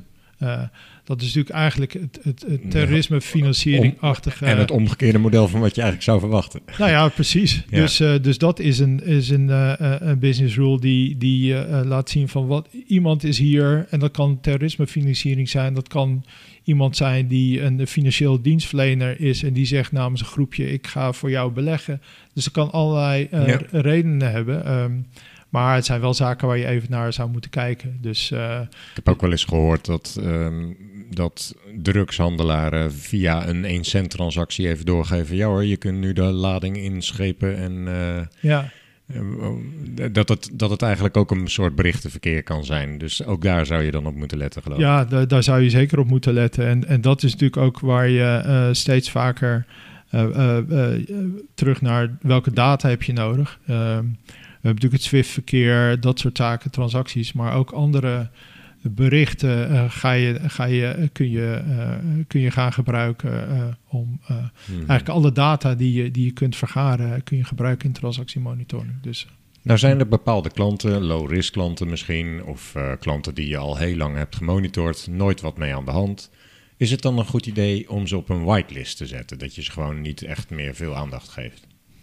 Nou, whitelisten eh, is altijd eh, lastig, omdat je dan inderdaad niet meer ziet wat je wellicht wel zou, zou moeten zien. Op het moment dat je een, een rekening eh, whitelist, dan, dan zie je hem niet meer. Nou, dat, dat lijkt me niet de bedoeling. Nee, dat is niet verstandig. Nee, je kunt wel zeggen, eh, bepaalde scenario's hebben niet veel zin meer voor deze rekening. Omdat ze, we hebben hem in een bak gestopt, verwachtende dat een aantal scenario's van toepassing zouden zijn. Mhm. Je kunt zeggen, als daar nooit een alert op komt, dan kun je zeggen, ja, eh, het heeft niet veel zin meer om dit scenario op die eh, rekening te laten. Dus je kunt wel in welke scenario's eh, je toepast op een rekening kun je, kun je gaan, gaan schuiven. Mhm. In, naarmate je meer weet van een klant. Kijk, op het moment dat je begint met transactiemonitoring, weet je nog niet zoveel. Eh, maar naarmate je meer historie hebt, kun je zeggen, nou ja, dit is eh, wat mijn klant doet. Eh, kun je de scenario's, welke je gebruikt, kun je. en en, en een goed, scenario, goed systeem zal dat ook zelf doen. Maar whitelisting is dus geen goed idee als je false positives wilt minimaliseren. Want om even een voorbeeld te noemen, je merkt dat er heel veel betalingen uit China komen in je omgeving. Je denkt, ja, wat zou daar nou mee aan de hand zijn? En dat blijken, of, of nee, laat ik anders zeggen, betalingen richting China. En dat blijken dan gewoon AliExpress betalingen te zijn of zo, en niks mee aan de hand. Maar die blijven maar steeds oppoppen, omdat eh, China zo'n hoog risicoland is. Ik noem even een voorbeeld. Ja, z- dan zou ik dus inderdaad eh, eh, de transacties niet meer tegen het scenario aanhalen dat China een hoog risico land is voor die, eh, Voor die specifieke voor die specifieke rekening. Ja, dus dan zou ik China van het, eh, van het lijstje afhalen waar, waartegen die eh, een alert genereert. Ja, dus je moet eigenlijk in een soort matrix denken. Je hebt regels en rekeningen. Ja, nou ja, en precies. En, en daar zul je moeten ga- gaan kijken. En, en waar grote instellingen nu mee bezig zijn, is dat dat steeds meer een geautomatiseerd proces gaat worden. Dat, een, een, tra- dat er niet meer een, een alert-afhandelaar kijkt van, oh, ik zie iedere keer China voorbij komen, dus deze zet ik uit. Je ziet het systeem die zegt, ehm, eh, iedere maand eh, gaan er transacties naar China. Dit is het normale pat- patroon. Dus het systeem zegt al, dit is niet meer Hoort bij deze rekening. hoort bij deze rekening, is Juist. niet meer ongebruikelijk, dus wil ik niet meer zien. Ja, ja dus het, het, het, het denken over transactiemonitoring gaat vaak gepaard met het denken in categorieën of in eh, groepen. Maar als je het in dit soort matrixen tegen elkaar afzet, wordt het toch bijna altijd weer voor één specifieke rekening bijna een eh, individuele behandeling. Hè? Eh, ja, dat, dat klopt. En het is zaak, omdat dat namelijk ook qua, qua data is dat, zeg maar, wellicht je, je vertrekpunt. Eh, ik zei net al even dat je, je kunt het op rekeningniveau, maar voor wat eh, complexere klanten heb je misschien een intern eh, nummer waarin je verschillende producten kunt, kunt linken. Mhm. Maar een, een, een consumentenbetaalrekening is nou eenmaal één rekening. Dus, dus daar focus je dan Dus het specifiek het, eh, het monitor op. En de rest is niet zo interessante beleggingsrekening. Hoef je eh, niet meer te monitoren, want het, eh, het geld gaat van de betaalrekening naar de beleggersrekening en weer terug. Dus daar hoef je geen scenario's op los te, te laten. Heb je nog andere ideeën over het eh, beperken van false positives? Want dat is toch wel een van de grootste problemen die financiële instellingen vaak hebben. Hè? De enorme hoeveelheid alerts. Dan nemen ze geen nieuwe mensen aan, maar dan dringen ze gewoon het aantal eh, alerts terug. Dat, eh, dat, i- dat is een, een mogelijkheid. Zag je Eh, ook bij NetWest. Ja, nou ja, Ja. en ook bij een van de Nederlandse banken die eh, ja, ja, ik wilde het even niet noemen. Nee, die dacht. Ja. en, en begrijpelijk, hè? Ik heb ook wel eens een systeem meegemaakt. Er werd aangezet en na twee uur werd het weer uitgezet, want je werd overladen door false, false positives. Eh, aantal alerts. Ja, dan heb je je sy- systeem dus gewoon nog niet goed genoeg ingericht. Dus dan is de data die erin gaat en de scenario's zijn nog niet goed genoeg. Waar ga je dan als eerste naar op zoek? Ik heb een berg false positives. Ik, ik, ik check er een stuk of honderd. Ik zie dat het allemaal normaal gedrag is eigenlijk. Eh, wat doe ik daar dan eh, mee, volgens jou? Nou ja, dan ga je heel snel analyseren eh, ehm, eh, en, en scenario's uitzetten voor bepaalde klanten. Dus, dus je, je systeem zegt je welke klant tegen welk scenario een Ja. alert af. eh, Diezelfde matrix als waar we het net diezelfde over matrix. En eh, eh, ik heb vaak genoeg ook, ook meegemaakt dat inderdaad weer die beleggersrekening, dat een alert gegenereerd werd, geld kwam van buiten naar binnen op de betaalrekening en ging vervolgens door naar de beleggersrekening. Nou, voor beide rekeningen was het scenario aangezet, eh, bepaald bedrag boven een bepaald bedrag. Dat betekent dat je twee keer een alert krijgt voor dezelfde. Mhm. transactie in feite. Ja, nou, ja. daar gaat het al mis. Ja, ja. Dat je dus kunt zeggen, ja, voor een interne doorboeking van de ene klantrekening naar de andere klantrekening, daar zet ik geen scenario op. Maar als ik het zo hoor, is er niet echt een quick fix voor Er is, nee, er is zeker geen quick fix. Eh, de quick fix is eh, gewoon zorgen dat je weet wat je implementeert en dat dat goed doet. Wa- wa- waar het vaker bij kleinere instellingen misgaat, is dat ze een off-the-shelf tool kopen. De standaard 15 business rules die een, die een leverancier aanbiedt, eh, implementeren en dan aanzetten. Mhm. ja, dan, dan gaat het mis. Omdat je dan helemaal geen idee hebt. Wat ben ik aan het monitoren? Waartegen? En, en, en ja, dan loop je, dan, eh, loop je, dan gaat het eh, eh, problemen opleveren Ja. voor je operatie. En ehm, zijn er nog andere zaken waarvan je zegt dat is echt een heikele kwestie? Komt in bijna elke opdracht die ik uitvoer terug waar mensen tegenaan lopen bij transactiemonitoring? Eh, nou, het, het proces. Wie handelt wat af en eh, hoe regel ik het eh, intern? Ja. Ehm, Nou, laten we daar eens naar kijken. Er komt een alert naar boven. en hoe gaat het proces tot en met, zeg maar, FIU-melding of ge- gecheckt, maar niks aan de hand? Wat voor opties zijn er en hoe zou je dat inrichten? Eh, het systeem genereert een alert. Die komt in een eh, bak terecht bij de, de eh, eerste afhandelaar. En je ziet dat grote banken hebben eerst een, een vrij grote pool van mensen die vrij snel kunnen zien van dit is een, een valse.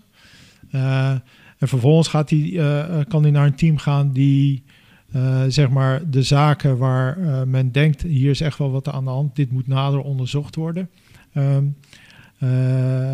daar wordt dan echt de, de analyse, de, de, het onderzoek eh, eh, gedaan. Ja, dus, dus de alerts worden in eerste instantie in twee typen ingedeeld. False positive of verder kijken. Ja, Ja, en Ja. dan? Die, die false positives, die, word je, die ga je gewoon meteen ook wegschrijven en klaar. die schrijf je weg. En afhankelijk van eh, hoe je het systeem hebt ingericht, kan dat een automatisch eh, proces zijn. Eh, Ja. eh, maar wat je eh, vaak ziet is dat daar eh, mensen naar zitten te kijken. En dan is het zaak om je proces zo in te richten dat in ieder geval iemand af en toe kijkt naar wat hier Werkt dat automatische proces werkt, nog? werkt dat automatisch proces. Maar ook als, als iemand zegt: dit is, dit is een false eh, positive, die kunnen we, hoeven we niet te melden. Mhm. Die hoeft niet het, het, naar het bakje na de onderzoek. Mhm. Dat je af en toe checkt van wat daarin terecht komt. ehm, is, dat, is dat goed? Ja. Dus wat je soms ziet, is dat die bak ook weer geanalyseerd wordt met. met algoritmes of dat soort zaken. Dus Ja, dat ze gaan kijken, wat zit er nou in dit bakje? Ja, Ehm, ja. Want dat zo- zou in principe best een groot risico kunnen zijn als je daar Ja, niet meer naar kijkt. Nee, ja, als je, als je het af eh, laat hangen van of iemand eh, goed uit bed is gekomen of iets wel of niet een false positive is, ja, dan, dan ga je in de, in de problemen eh, komen. Ja, ja, duidelijk. En vervolgens het, het onderzoeksteam dat daadwerkelijk gaat, gaat onderzoeken, eh, dat zijn echt wel de mensen met kennis van producten, van klanten, eh, compliance kennis met wat is ongebruikelijk, wat niet. En die gaan echt, eh, echt onderzoeken. En daar eh, heb je, wat ik zei, ook wel een tweede paar ogen principe nodig. Af en toe afstemmen van is dit, klopt dit nu? Mhm. En, en zul je, als je daar ook bepaalde alerts als, als niet meldenswaardig, zul je wellicht een wat strakker proces moeten hebben. Dat nog iemand kijkt of dat inderdaad ook zo, eh, zo is. Ja, want vanuit die groep zou ik dan ook verwachten dat er regelmatig input komt van nou, misschien moeten we bij deze rekeningen eh, deze rules eh, maar eens wat minder strak Absoluut, gaan zetten of absoluut. zo bijvoorbeeld. Dat- ja, dat dat, kan- is een van ja. hun taken ook. Ook zeker. Dat Mhm. kan ook uit dat, eh, dat eerste, dat die eerste alerts opnieuw gegenereerd worden, gecheckt worden. Mhm. Kan, kan daar ook een, een output van zijn. Oh ja, natuurlijk. Maar zeker in dat tweede team, als je een aantal zaken ziet en er zit een rode, rode draad in, dan is dat eh, zeker input om weer eens naar je, je, systeem te kijken. En Dus, dus een van de belangrijkste taken misschien wel van dat hele transactiemonitoringproces is dat je constant ook je monitoring aanscherpt en bijstelt. Ja, absoluut. Dat is zeg maar de, de, de keerzijde van het whitelisten. Je gaat niet whitelisten, maar je gaat zorgen dat de output van je transactiemonitoring je kennis eh, geeft over wat je eh, aan, het, aan het doen bent. En daarmee ga je dus ook nieuwe scenario's wel van toepassing, andere scenario's. Je gaat scenario's aanpassen. Als je ziet dat je ehm, eh, bijvoorbeeld als een beleggingsinstelling zegt: Ik vind ongebruikelijk als eh, iemand eh, in mijn beleggingsfonds eh, eh, bedragen van 50.000 of meer stort. Als je dat laat draaien, eh, stel dat je een automatisch systeem hebt, als je dat laat draaien en je krijgt geen alerts, dan is dat een reden om te denken: Nou, misschien zijn mijn participanten niet zo vermogend dat ze meer dan 50. Dus dat bedrag moet, moet omlaag. Dus Mhm. dat is eh, continu een. een eh, Ja, en, en soms gaat dat, eh, kan dat al automatisch. Hè? Hele geavanceerde systemen is dat zeg maar een automatisch proces. Dat het zelf leren van wat er uitkomt, om dat weer terug te geven aan, aan het transactiemonitoring systeem. Mhm. en dan, maar dan heb je het over hele geavanceerde systemen waar we nu eh, naartoe gaan. En dan heb je minder aan een compliance officer zoals mij, maar dan zit je meer op de data-analyse, de AI-mensen, de artificial intelligence en, en dat soort eh, ja. zaken. Dan wordt Ja. het heel complex. dat is eh, weer een heel ander ja, onderwerp. Ja, ja, absoluut. En nu blijft er na onderzoek ook nog een restcategorie over. Echt waarschijnlijk iets mis mee. Wat, wat, wat doe je daarmee? Eh, we hebben het al in het eerder, eh, eerder in het gesprek gehad over eh, die mensen die je gaat afsluiten. Maar, eh, en mensen die je misschien nog eens naar een verklaring gaat vragen. Maar er blijft dus eh, meldingen. Die mensen die die onderzoeken doen, doen die zelf ook de FIU-meldingen? Wat jou betreft. Hoe zou jij dat inrichten? Ja, Of- die- bereiden ze wel voor. Eh, formeel moet de compliance officer, die heeft de FIU, die, die moet een rol hebben in, in de melding aan de, aan de FIU. Dus, eh, dus- Moet. Is dat wettelijk een verplichting? ja, dus, dus Wat voor rol dan? Kan die het ook delegeren? Of? Nou ja, die, wa- wat je vaak ziet, en dat heeft ook wel mijn voorkeur, is dat de compliance officer niet direct eh, eh, zicht heeft op wat er nou precies aan de hand is. Terwijl de teams die die onderzoeken doen, wat vaak eh, eerste lijns werk is, eh, het wel hebben. Dus een hele melding voorbereiden wordt vaak door dat soort teams gedaan. Mhm. Maar dan zie je, zoals ik het in zou richten, is dat de compliance officer daarnaar kijkt eh, en, en uiteindelijk de, de melding doet aan de, aan de FIU. ja, dus het is van belang dat eh, die eerste lijnsmedewerkers in transactiemonitoring goed kunnen verwoorden waarom er eh, reden is om te veronderstellen dat Ja. er iets aan Nou ja, precies. Ze worden natuurlijk geleid, in Nederland in ieder geval, door het FIU-meldformulier. Mhm. Dus daar wordt een aantal, aantal inf- informatievelden moeten gevuld worden. Dus wat voor transactie, bla bla bla. Dus je wordt in welke informatie je nodig hebt om te kunnen melden, word je al geleid door het, door het formulier. Eh, Maar je ziet soms in beschrijvingen van transacties dat er eh, hele ellenlange verhalen komen en, en die zei dat tegen die. En dus eh, zeker in, in beginnende analisten die een transactie moeten voorbereiden voor melding, moet je nog wel eens schakelen van nou, kunnen het wat zakelijker en wat feitelijker houden in plaats van de eh, ik heb gehoord dat en ik heb gelezen dat. Dat eh, halen we er allemaal dat, uit. Dat maar ga je allemaal schrappen. ja, dat moet er echt, echt allemaal wel uit om die melding ook, ook nuttig te maken voor de FIU. Dat ze niet door een hele lab tekst moeten. eh, Maar ehm, waar ligt wat jou betreft het gouden midden? Want je kunt ook gewoon een transactie over de muur gooien zonder toelichting. Dat, of, of een heel verhaal. Waar- Ja. wanneer zit je op het goede punt? De Nou, sweet spot. Ja, nou je zit op het goede punt. Als je, wat belangrijk is, is dat je ook eh, eh, eh, moet, moet denken over het feit dat je een bank bent met klanten die, die je bedient. Dus daar waar sommige instellingen, zeker de alertafhandelingen, zeggen van nou ja, meld maar, meld maar, meld maar. Want eh, we weten het ook niet precies en het ziet er niet goed uit, dus melden. Moet je je wel eh, eh, van doorgronden dat je het wel hebt over een eh, wellicht een gewoon normale klant die gewoon normaal activiteiten onder, onderneemt. Dus bij iedere melding moet je je afvragen: is dit daadwerkelijk dermate ongebruikelijk dat ik hem moet melden? En dat is denk ik de, de rol ook die, die een compliance officer heeft, als de goede compliance officer heeft, die zegt van ja. Eh, dit hoeft niet, want ik snap dat je in jouw silo van Financial Economic Crime Prevention denkt, ja, er zal wel wat aan de hand zijn. Maar als ik er naar kijk, dan eh, vind ik hem niet meldenswaardig. En dat blijft altijd nog wel een. eh, en die sweet spot is, is, is lastig. dan moet, ja, dan moet je echt wel ervaring hebben als, als compliance officer. Om, om te kunnen beoordelen van ja, dit is wel meldenswaardig en dit is niet. Het is dus niet zo dat alles wat maar even ongebruikelijk is, dat dat direct doorgaat naar de FIU. Oké, je zegt dat is ook eigenlijk in het belang van de klant dat je niet zomaar. Ehm, maar een klant merkt er toch verder niet zoveel van. Het, er is ge- eh, volop geheimhouding. Eh, je kunt toch maar beter zoveel mogelijk melden. Ik, ik daag je even een beetje uit nu. Ja. Nou ja, in principe, als het goed is, eh, merkt de klant daar niet van. Maar het zou zomaar kunnen dat er eh, eh, wel wat aan de hand is en dat er vragen gesteld worden en dat er een onderzoek geopend wordt tot de FIU. Maar dan is het toch ook terecht geweest dat je gemeld hebt. Nou ja, dat, Als er wel iets aan de hand is. ja maar dat, dat weet je natuurlijk niet op het moment dat je meldt. Dus eh, Mhm. Kijk, dat zou ervoor pleiten om alles maar te melden en de FIU uit te laten zoeken of iets daadwerkelijk eh, tot een vervolging, tot een eh, eh, opsporing moet gaan leiden of niet. Maar dat is niet gewenst. Dat is niet gewenst, omdat er, er kunnen vanuit de FIU ook altijd nog wel vragen komen over bepaalde klanten en dat soort zaken. En ik zou er niet voor pleiten om alles gewoon maar, maar te Het is melden. mij nog niet helemaal duidelijk waarom niet.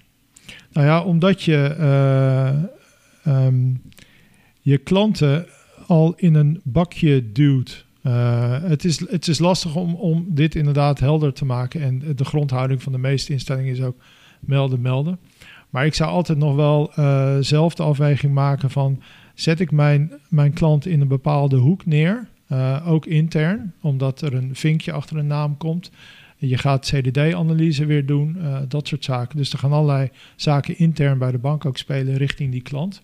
Eh, maar ook denk ik dat je ervan uit moet gaan dat je klant integer handelt. Eh, dat zou eigenlijk altijd het uitgangspunt moeten zijn van, van het, het hele proces.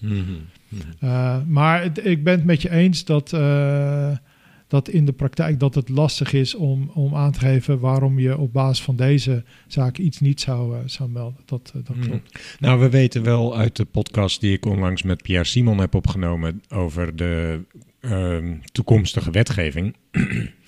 dat we in Nederland mogelijk ook naar een eh, verdacht meldingensysteem gaan in plaats van ongebruikelijk. Dat betekent wel meer onderzoek doen en zelf eh, ervan overtuigd zijn: hier is echt iets mis, hier Ja. moet eigenlijk direct naar gekeken worden. Absoluut. Ja. Ehm, zolang we dat nog niet hebben, wat, hoe motiveer je bij een melding als je iets aan de FIU doet dat je het meldenswaardig vond? Aan wat voor teksten moet ik denken om te, aan begeleidende teksten bij een FIU-melding eh, wat, wat zinvol kan zijn? Nou, je, als het goed is, is je melding voortgekomen uit een aantal eh, één of meerdere scenario's. Dus je hebt al een ingangshoek waarom die naar boven is gekomen. Dus dat scenario lever je er helemaal bij. Nou, de feitelijke omstandigheden van dat scenario, je hoeft het scenario zelf niet, niet mee te leveren, maar je kunt wel zeggen, Oké. ik heb eh, wat mijn klant normaal doet, is, is, is dit, dit gedrag. Mhm. Bijvoorbeeld, hij, eh, Ja. eh, hij verkoopt tasjes van, van 40 euro aan, aan consumenten. Ik zie nu bedragen binnenkomen van rekeningen eh 500 tot 1000, 1000 euro. Ja. Mijn klant kan daar geen ehm, eh, plausibele, of we hebben geen plausibele verklaring daarvoor. En dus is het En ongebruikelijk. dus is het ongebruikelijk en dus gaan we wel melden. Ja. Daar heb je dus nog niet vastgesteld of het mis is. Nee. Er kan Nee. best een plausie, alleen jij komt daar niet achter. En onder de huidige wetgeving is het zo ongebruikelijk, dus melden. Eh. Duidelijk. Ja, eigenlijk ligt het best voor de hand, want daarvoor deed je het ook om Nou vast te stellen of het gebruikelijk was of niet. Ehm, hoe weet je nou als instelling of je het goed doet? Ik denk, zo min mogelijk FAU-meldingen, zo min mogelijk alerts is een teken dat je aan de voorkant al heel goed eh, de, de bescherming tegen crimineel gedrag hebt ingericht. Klopt Ja. dat of niet? Nou, dat, dat kan. Ik zou zeggen, als ik eh, DNB was, zou ik zeggen, ja, maar dan heb je, eh, kijk je niet naar alles en je mist een hoop. Oké. Dus vaak zullen, eh, dat zie je ook wel bij toezichthouders, eh, AFM recentelijk over beleggingsinstellingen. Ik geloof dat er 16.000 eh, alerts waren uit die systemen van beleggingsinstellingen met maar 70 meldingen, Ja, de AFM wist dat die beleggingsinstellingen intern. Ja, ze hebben een, 16.000 eh, een uitvraag en onderzoek gedaan naar Oké. transactiemonitoring bij beleggingsinstellingen. Daar Mhm. kwam eh, eh, 16.000 alerts uit met maar 70 eh, meldingen, eh, 74 of zo. Dus er werd vrij snel de conclusie getrokken, dat vinden wij te weinig, dus het zal niet goed gaan. Hmm. Nou, dat vind ik inderdaad een, een wat kort door de bocht eh, conclusie. Maar het is wel vaak eh, de grondhouding van mensen die van buitenaf naar een systeem kijken, die denken. eh, en dat wordt natuurlijk gedaan door de FIU ook. die ziet hoeveel andere instellingen melden.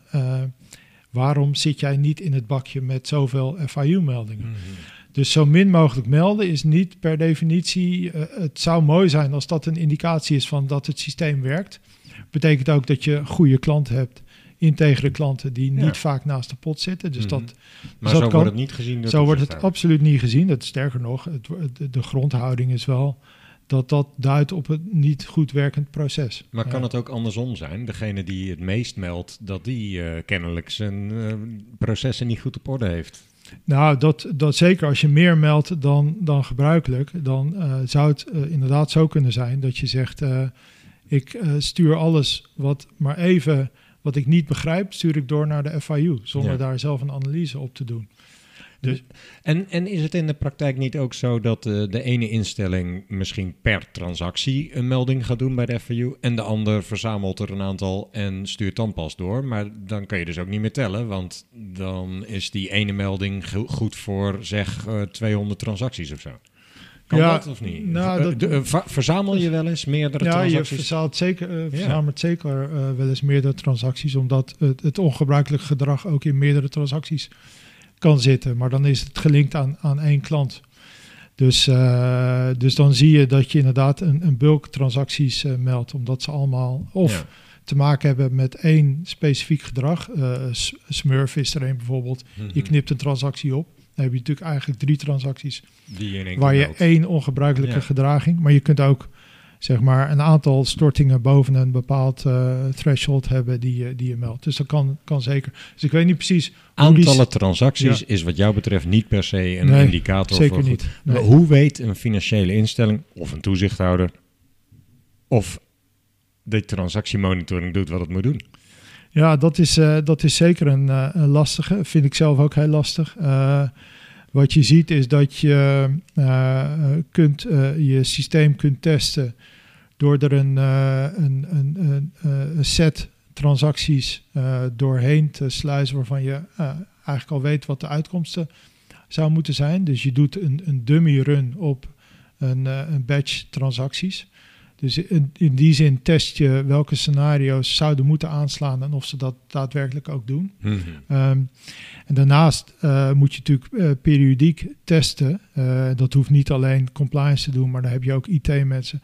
Dat de systemen nog werken zoals ze, zoals ze werken. Dus als een transactiemonitoring systeem informatie nodig heeft uit een bepaald ander systeem, dat dat nog steeds, dat die interface nog steeds werkt. En dat je niet systemen mist. Dus je zult iedere keer weer moeten nagaan. Heb ik nou alle data die ik nodig heb? Eh, mis ik wat? Zijn er nieuwe systemen, nieuwe producten die ik. eh, eh, en in die zin testen en onderzoeken of je systeem inderdaad nog de voeding krijgt die het nodig, hebt, nodig heeft en de scenario's nog actueel zijn. Dus in dat doorlopend proces van upgraden van je transactiemonitoring zit al een, een element van het doet wat het, wat het moet doen. Dus je bent Mhm. continu aan het. eh, maar je zult daadwerkelijk ook nog, eh, nog moeten testen, eh, moeten onderzoeken of de alerts eruit komen die, je- die je zou verwachten. En dat kun je doen door middel van transacties waarvan je weet wat eruit zou moeten komen door het systeem heen. Ik- heen. Ik hou het gevoel dat we over transactiemonitoring nog best wel een podcast vol zouden kunnen praten. er is nog heel veel over, Ja, te, hè? over Ja. te zeggen. Ja, ja. Het is wel een uitdaging om dit goed eh, neer te zetten, maar ik denk dat we moeten gaan afronden. Eh, Ja, ja. De Nou, je- meest- je ziet- meeste luisteraars hebben de pauzeknop inmiddels twee keer al gebruikt, denk ik. Ja. Wat wilde je zeggen? Nou, nog een laatste. Je ziet dat ik op sommige dingen ook niet eh, een duidelijk antwoord heb. En dat zie je dat het dus zo complex wordt met zoveel verschillende spelers, zoveel verschillende Ja. rollen, Ja. dat het eigenlijk eh, niet meer een, een, eh, zeg maar een, een operations compliance feestje is. Het is echt wel een hele complexe wereld aan het worden. Nou, zeker ook omdat wij natuurlijk nu in het algemeen over transactiemonitoring, maar als op het moment dat je naar een specifieke instelling kijkt, zijn er altijd heel veel dingen te, af te stemmen op die omgeving zelf. Het lijkt me als een toezichthouder trouwens ook een enorme uitdaging om iets te zeggen over eh, hoe goed gaat het nou in Ja. deze... Absoluut. absoluut. Ehm, welke ontwikkelingen verwacht je tenslotte? Hè? Even kijken naar de toekomst op het vlak van transactiemonitoring. Nou, een beetje wat ik, wat ik net ook al zei. Hè. Het wordt een eh, feestje van, eh, van meer mensen. Je zult echt, zeker bij, eh, bij complexe organisaties, samenwerking moeten zoeken met specialisten. Banken worden steeds verder opgedeeld in, in afdelingen die echt een, een bepaald specialisme hebben. Er is niemand meer die echt overzicht heeft. Dus je zult multidisciplinaire teams moeten maken die, die dit zeg maar eh, lopend eh, gaan, gaan beheren. Ja. En eh, dat is echt wel nodig. En, en ook disciplines die je wellicht niet direct verwacht in een bank. AI, dus artificial intelligence, dat soort zaken. Allemaal mensen die, die goed zijn met, met data zul je in huis moeten hebben. En Is het, is het eigenlijk nog wel een compliance feestje? Wat voor Nou, rol heeft, compliance, heeft een compliance professional nog in transactiemonitoring? Nou, relatief weinig wat mij betreft, maar dat was een tijd geleden ook al zo. Eh, instellingen die bijvoorbeeld zeggen eh, compliance moet de alertafhandeling doen, dan denk ik, dat kan. Je kunt mij een alert eh, sturen, maar ik heb geen toegang tot de klantgegevens. Ik weet niet welke producten, dus ik kan ergens naar kijken. Ik heb geen flauw benul. Nee. Dus de compliance afdeling wordt, wordt minder belangrijk. Zeker omdat de compliance officers die ik ken zijn juristen of, of auditors, eh, accountants. En deze wereld wordt met name een, een, een data-IT-achtige.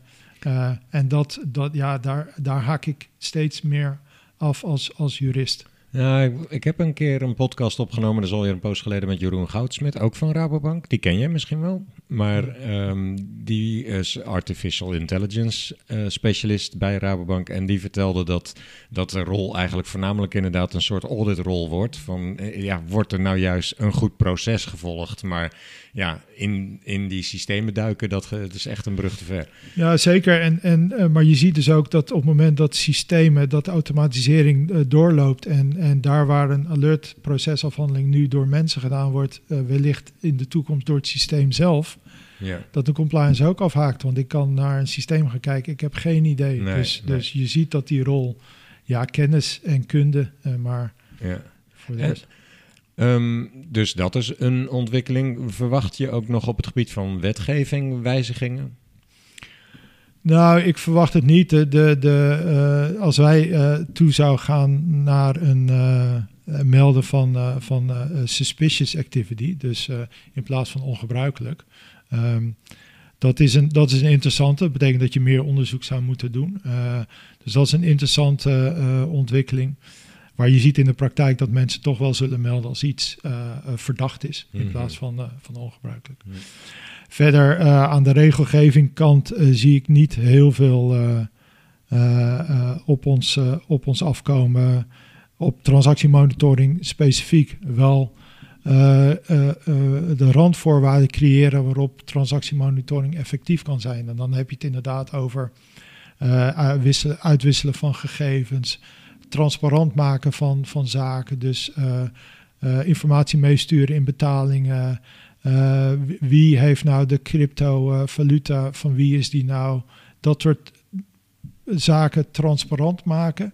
eh, zodat mensen die kunnen monitoren, dat ook daadwerkelijk effectief kunnen doen. Ja. Dus dan heb je het echt over de randvoorwaarden scheppen om effectief te kunnen monitoren. Maar op Ja. transactiemonitoring zelf zie ik, zie ik weinig eh wet en regelgeving komen. Heb je tenslotte, aanhakend op de titel van deze podcast, misschien nog een eh, algemeen of juist specifiek op dit onderwerp een advies voor onze luisteraars? Eh, nou, dat is eh, wees nieuwsgierig. Ik denk dat eh, wat er uit deze podcast blijkt, is dat je van heel veel dingen wel verstand moet hebben. Dus dat betekent dat je als compliance officer niet alleen maar met je neus in de WWFT-achtige zaken moet zitten, maar ook daadwerkelijk moet gaan praten met IT-mensen, met productmensen. Dus wil je effectief kunnen opereren als er gevraagd moet worden, eh, v- als je vragen komen over transactiemonitoring, zul je van een hoop zaken moet niet alleen eh, kennis moeten hebben, maar ook moeten weten waar haak die kennis vandaan, wie heb ik nodig, Ja. wie schakel ik in om, eh, om bepaalde vragen beantwoord te krijgen. Zorg Dus, dat je netwerk op orde is. en wees nieuwsgierig, ga op Ja, zoek. Oké. Wees nieuwsgierig en zorg voor een goed netwerk. Precies, Ja. precies. Ja. Hartelijk dank Remco. ja, graag gedaan. Was leuk. Compliance. We just need your compliance. Je luistert naar Compliance Adviseert. Deskundigen vertellen over compliance en integriteit bij Nederlandse financiële instellingen. We just need your compliance.